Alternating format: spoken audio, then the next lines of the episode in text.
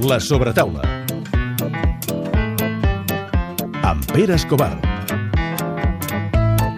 Quin lloc, eh, noi?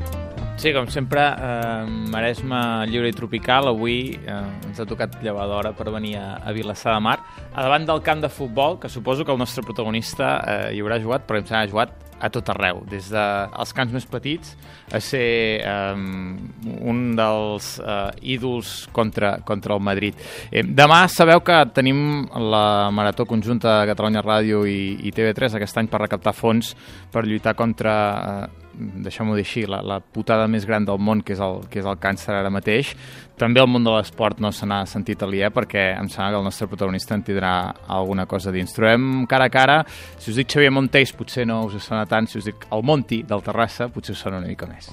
I si, i si poses a Google Xavier Montells et surt un catedràtic de no sé què, però si poses Xavier Montells com a Monti, eh, et surt un home que ha estat un mite del futbol català, perquè com tu deies ha jugat a tot arreu, com estàs? Molt bé.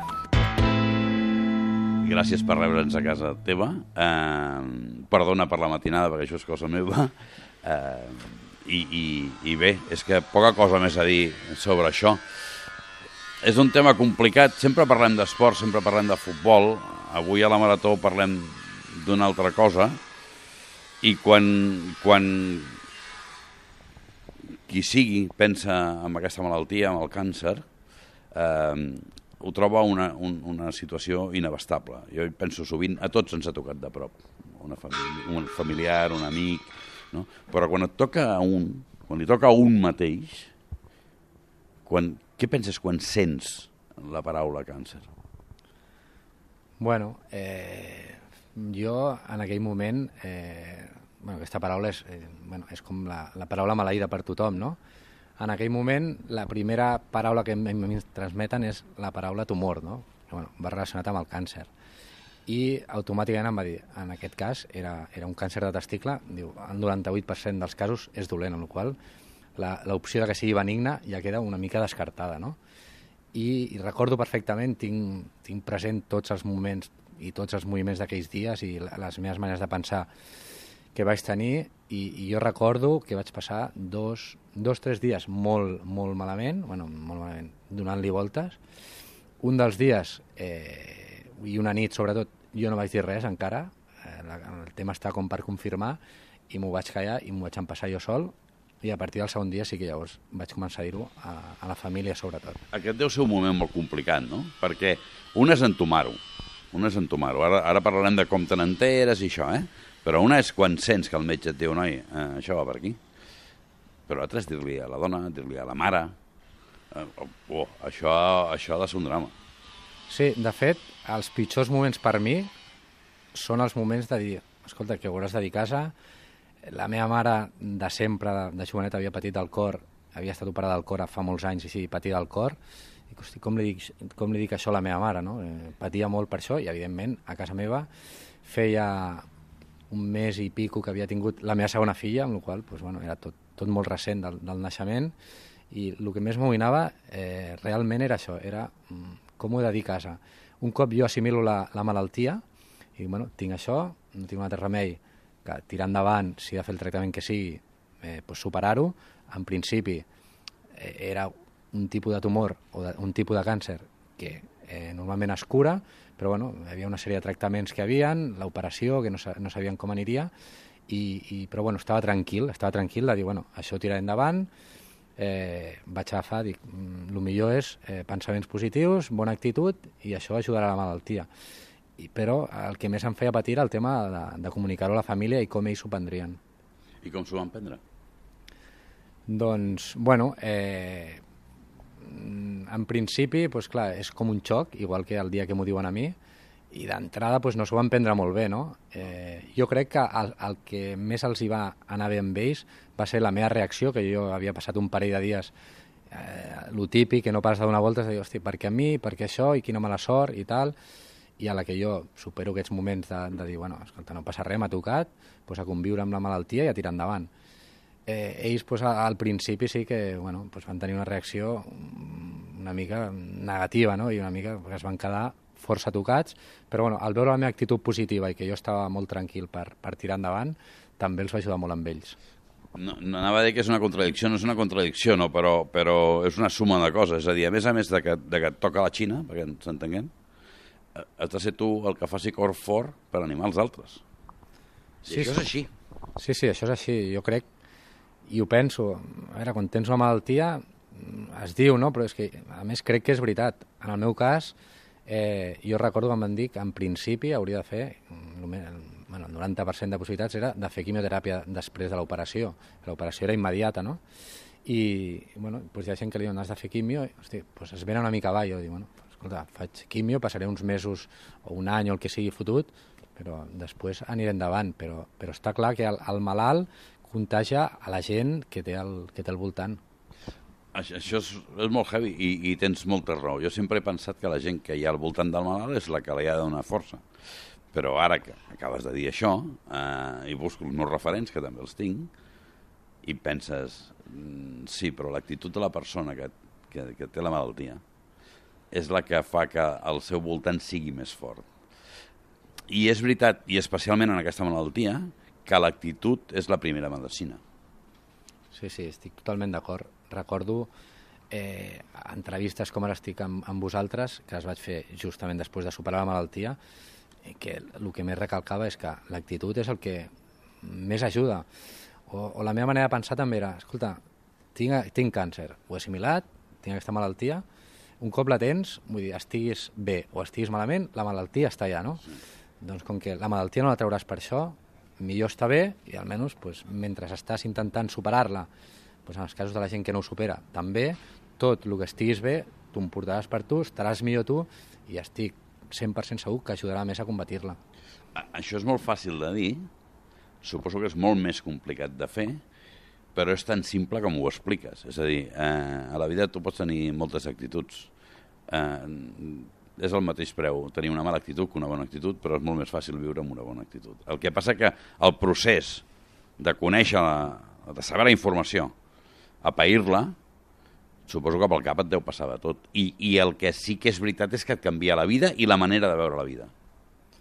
Sí, sí, això està, està claríssim. Jo, personalment, vaig tenir la sort que el metge que em va agafar des del primer moment, que era en Joan Vilasega, que és el metge de la Gramenet, bueno, aquell, ara ja no, en aquell temps era el metge de la Gramenet, havia passat pel mateix. Llavors, i ho havia superat, evidentment. Eh, això em va recolzar molt, perquè estava en mans d'un metge que justament havia tingut el mateix que em deien que tenia jo, no? Llavors, eh, això em va ajudar moltíssim. I després, amb, amb referent i seguint una mica amb el tema de, de l'actitud i així, jo ara tinc un, un conegut d'aquí de... Bueno, és de Cabrils, ell, i, i, i té un càncer de, en un altre lloc del cos, però té càncer, i he estat parlant molts dies amb ell, m'envio WhatsApp, i, i sembla que no tingui res. És a dir, dic, eh, com, com ha anat l'operació? Diu, diu, perquè el van operar l'altre dia al fetge i així, i em diu, diu molt bé, diu, bueno, tenia uns petits tumorets que no tenien molt bona pinta, però ja és un nano que és 100% positiu i amb aquests detalls de, de la manera de parlar de la malaltia, tinc uns tumorets, tinc... mm, la manera de parlar ja diu molt de la seva actitud, no? I, i un nano que ha tingut complicacions i està tirant endavant i el veus i, i està content sempre, no? I sempre bona cara i jo crec que això l'està ajudant moltíssim. tu te n'enteres per, eh, per casualitat. Podri, podríem dir, deixem-ho dir així, eh? et toca la loteria, la dolenta que tens la malaltia, però la bona perquè quanta gent passava a segona B un, un antidopatge? Pràcticament ningú. No sé si passava quatre jugadors de tota la categoria a la setmana. I a tu et toca, i dones positiu. I tu dius, hòstia, si jo no m'he després, no m'he pres res.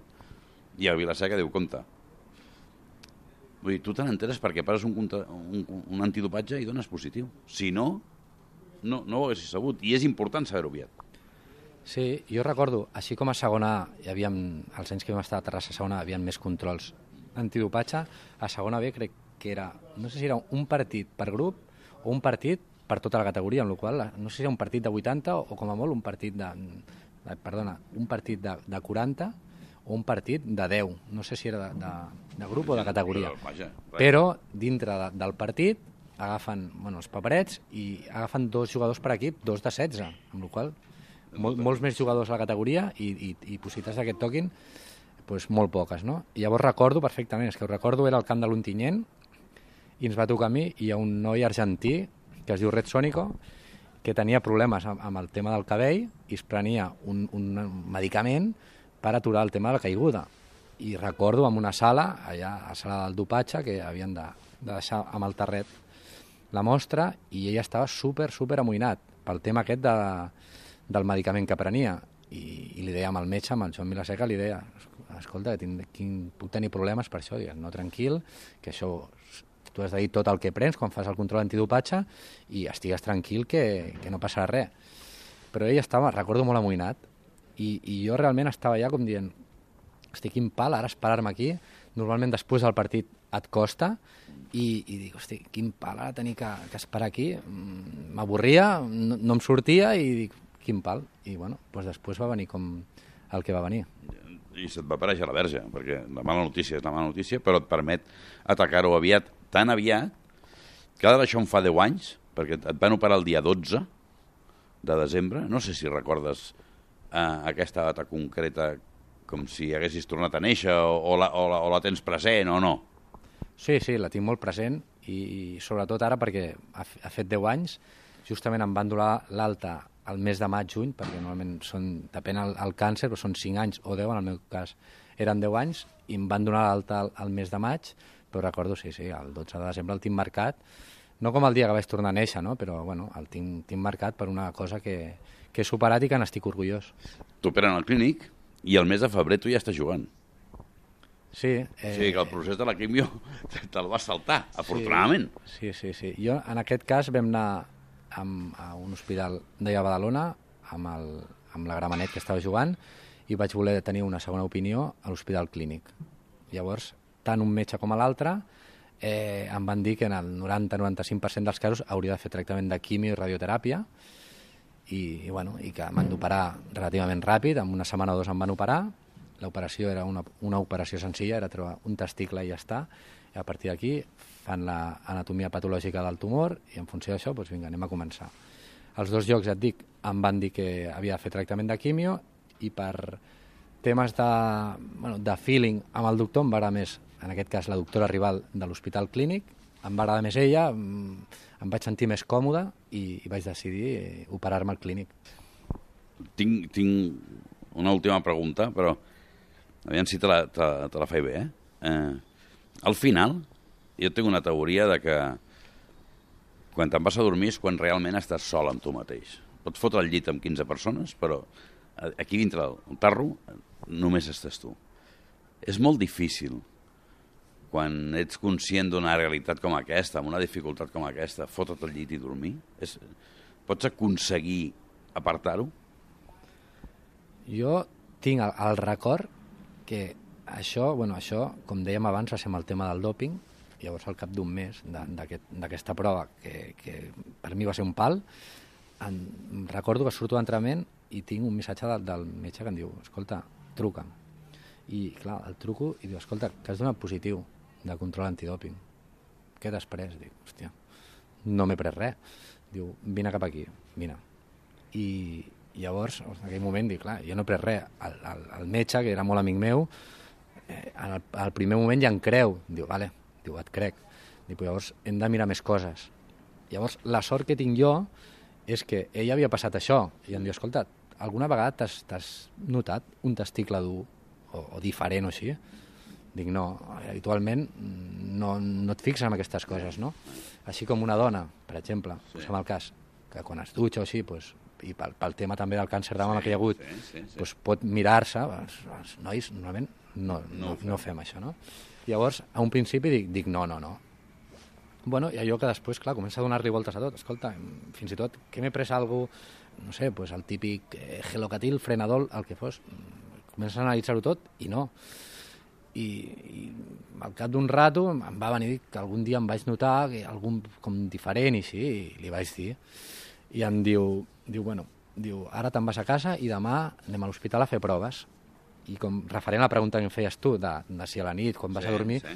el que et deia, recordava aquella nit, que aquella nit jo no ho dic a casa, no ho dic a ningú, i dic, bueno, aniré a fer les proves i, i a veure què tinc. I aquella nit, i la següent, perquè la següent, quan vaig anar a fer les proves, allò vaig passar força malament perquè d'entrada ja em fan l'ecografia i ja m'ho diu. Diu, escolta, tens càncer de testicle. Eh, estigui tranquil. Ja saps que jo no he tingut, i és un, un tipus de càncer que normalment es cura, o habitualment, a la majoria dels casos, estiga tranquil. Llavors, el, el, o sigui, el protocol després és començar a fer tags una mica de tot arreu, no? Aquí això no ho vaig passar molt malament, perquè tu estàs estirat allà a la camilla o, o t'entren a fer un tag i estàs esperant que, que surtin els resultats, o estàs allà a la camilla i veus que el metge va passant no, per fer l'ecografia i tu estàs allà, hòstia, són aquells moments, sobretot de soledat, perquè tampoc ho havia dit, no em va acompanyar ningú, evidentment, aquells moments que dius, a veure, a veure, a veure què surt aquí, què em diuen, perquè si només és el de testicle, estic tranquil, perquè en Joan ja m'ha dit el que hi ha. I afortunadament no van veure res més i només era el càncer de testicle. Aquella mateixa nit la torno a passar malament perquè no vaig dir res, a casa està preparant-me i, i, i a veure com ho deia, quina és la millor manera de dir-ho i el moment, perquè sabia que a casa ho passaríem malament i, i bueno, el que deies tu, van ser dos nits que d'aquelles que dons poc i que no pares de donar-li voltes i que et venen moltes coses al cap. Però a partir d'aquí dic, escolta'm, el Joan m'ha dit el que hi ha. Ell ha passat per això, eh, de moment no tinc metàstasi en lloc, escolta, m'operen, si he de fer quimio pues, o ràdio, la faré, estaré més, més o menys fotut. Fins i tot recordo que amb el, amb el doctor li deia, bueno, mentre si faig quimio podré entrenar i tal, i diu, diu no, diu no, no, diu no, diu no, si, tu podries treballar si tinguessis una feina eh, normal, però clar, si és un tema físic, tindràs anèmies, tind no et trobaràs bé... Escolta, oblida't, has de fer quimio un, dos, tres, sis mesos i després ja tornaràs. Que una mica referent també a la pregunta que m'has fet abans, que no l'hem acabat, eh, un cop analitzen el tumor, ells, els, els metges, es basen en, en tres o quatre paràmetres, la mida, el tipus, per dintre de, de càncer, n'hi ha diferents tipus, més agressius, més dolents, més n'hi ha diversos, i tres o quatre paràmetres més, en funció d'això decideixen si fan quimio o ràdio o no en fan. Mm. En el meu cas, per sorpresa meva i de tots, em van dir que no em calia fer, fer cap tractament. Sí, sí, sí, sí, sí, però bueno, tenia molt assumit, eh? Ja, ja. Pe però eh, tenia assumit que ho faria, em diuen això i, i em van dir, a veure, el motiu és el següent. Eh, tu tens el 10% de possibilitats, sobretot durant els dos primers anys, de que hi hagi alguna petita cosa, algun gangli, alguna cosa. Què, què passa si, si passés això? Pues que haurien de fer quimioteràpia. Llavors, sota el risc d'un 10% en dos anys, si surt alguna cosa ja la farem, per què l'hem de fer ara com a quimio preventiva si només tenim un 10% de possibilitats, sobretot els dos primers anys quan hi ha més risc. I per això van optar per això els doctors i clar, els dos mesos estava jugant perquè a la que una mica recuperes de l'estirpació de l'operació, al mes i mig, dos, ja pots començar a entrenar i llavors ja es converteix en, en una operació normal. És, és, és un petit miracle, això, la marató. Jo l'he viscut des que va començar i és un petit miracle, com la gent s'hi aboca. Com la gent s'hi aboca. Uh, no només els que ho heu passat, que teniu, diguem-ne, la sensibilitat a flor de pell, perquè és normal, sinó tothom, tot, tot el carrer. Eh, suposo que en algun moment del dia, perquè és tot un dia, i en algun moment del dia ho miraràs per la tele i això, no? Eh, Res, ens ha agradat molt venir a parlar amb tu. Eh, la gent com tu feu un servei, jo sempre dic que feu un servei a la pàtria o a la humanitat. Sí, perquè, perquè tots pensem, és que no, a mi no em pot passar. Collons si et pot passar. En qualsevol moment et pot passar. Llavors veure gent que ho ha passat, que ho han tomat, amb la valentia que ho has entomat, i que tira endavant i que a més a més serveix d'exemple, doncs feu un servei a la humanitat el feu. O sigui que moltes gràcies. Moltes gràcies a vosaltres per trucar-me. Ja et dic, quan em veu trucar, el primer que vaig pensar, doncs, i tant, només faltaria, no? La marató de TV3, ja sabem tots que any, la, cada any, any rere any, doncs, estan fent, fent coses mm, molt útils per la societat i si puc ajudar des del meu humil o la meva humil situació que he passat, doncs, doncs, evidentment, super content de fer-ho, super, super agraït que em truqueu. I ara li toca amb aquest. Et trec amb un ocellet aquí, perquè avui fa fred a Vilassar. Sempre que anem als llocs més càlids ens fa fred, no sé, no sé què passa. No, poc més afegit, l'únic que eh, sovint parlem del món de l'esport, eh, no sé, i a vegades eh, la, la gent que és més crítica amb l'esport, no?, el, el trivialitza o, o sempre assenyalar les coses més dolentes i em sembla que ho hem fet el que havíem de fer, eh, solidaritzant-nos també amb, amb aquesta marató, parlant de, de com ho entomava un esportista i també de com l'esport eh, li va afavorir, perquè estic convençut que la teva medicina era tornar a entrenar i tornar a jugar, això és evident, perquè són uns, uns malalts esportistes d'elit, i que ens queda pendent quedar un altre dia amb el Monte per totes les seves batalletes futbolístiques, Per que segur, que segur que en té, que en té un munt, ens ho apuntem a l'agenda i... A Però a l'estiu, tornarem a l'estiu. Us va bé? Vinga, va, quedem així. Gràcies. doncs queda, queda dit. I tant. Tornem, però a parlar de futbol. Queda pendent.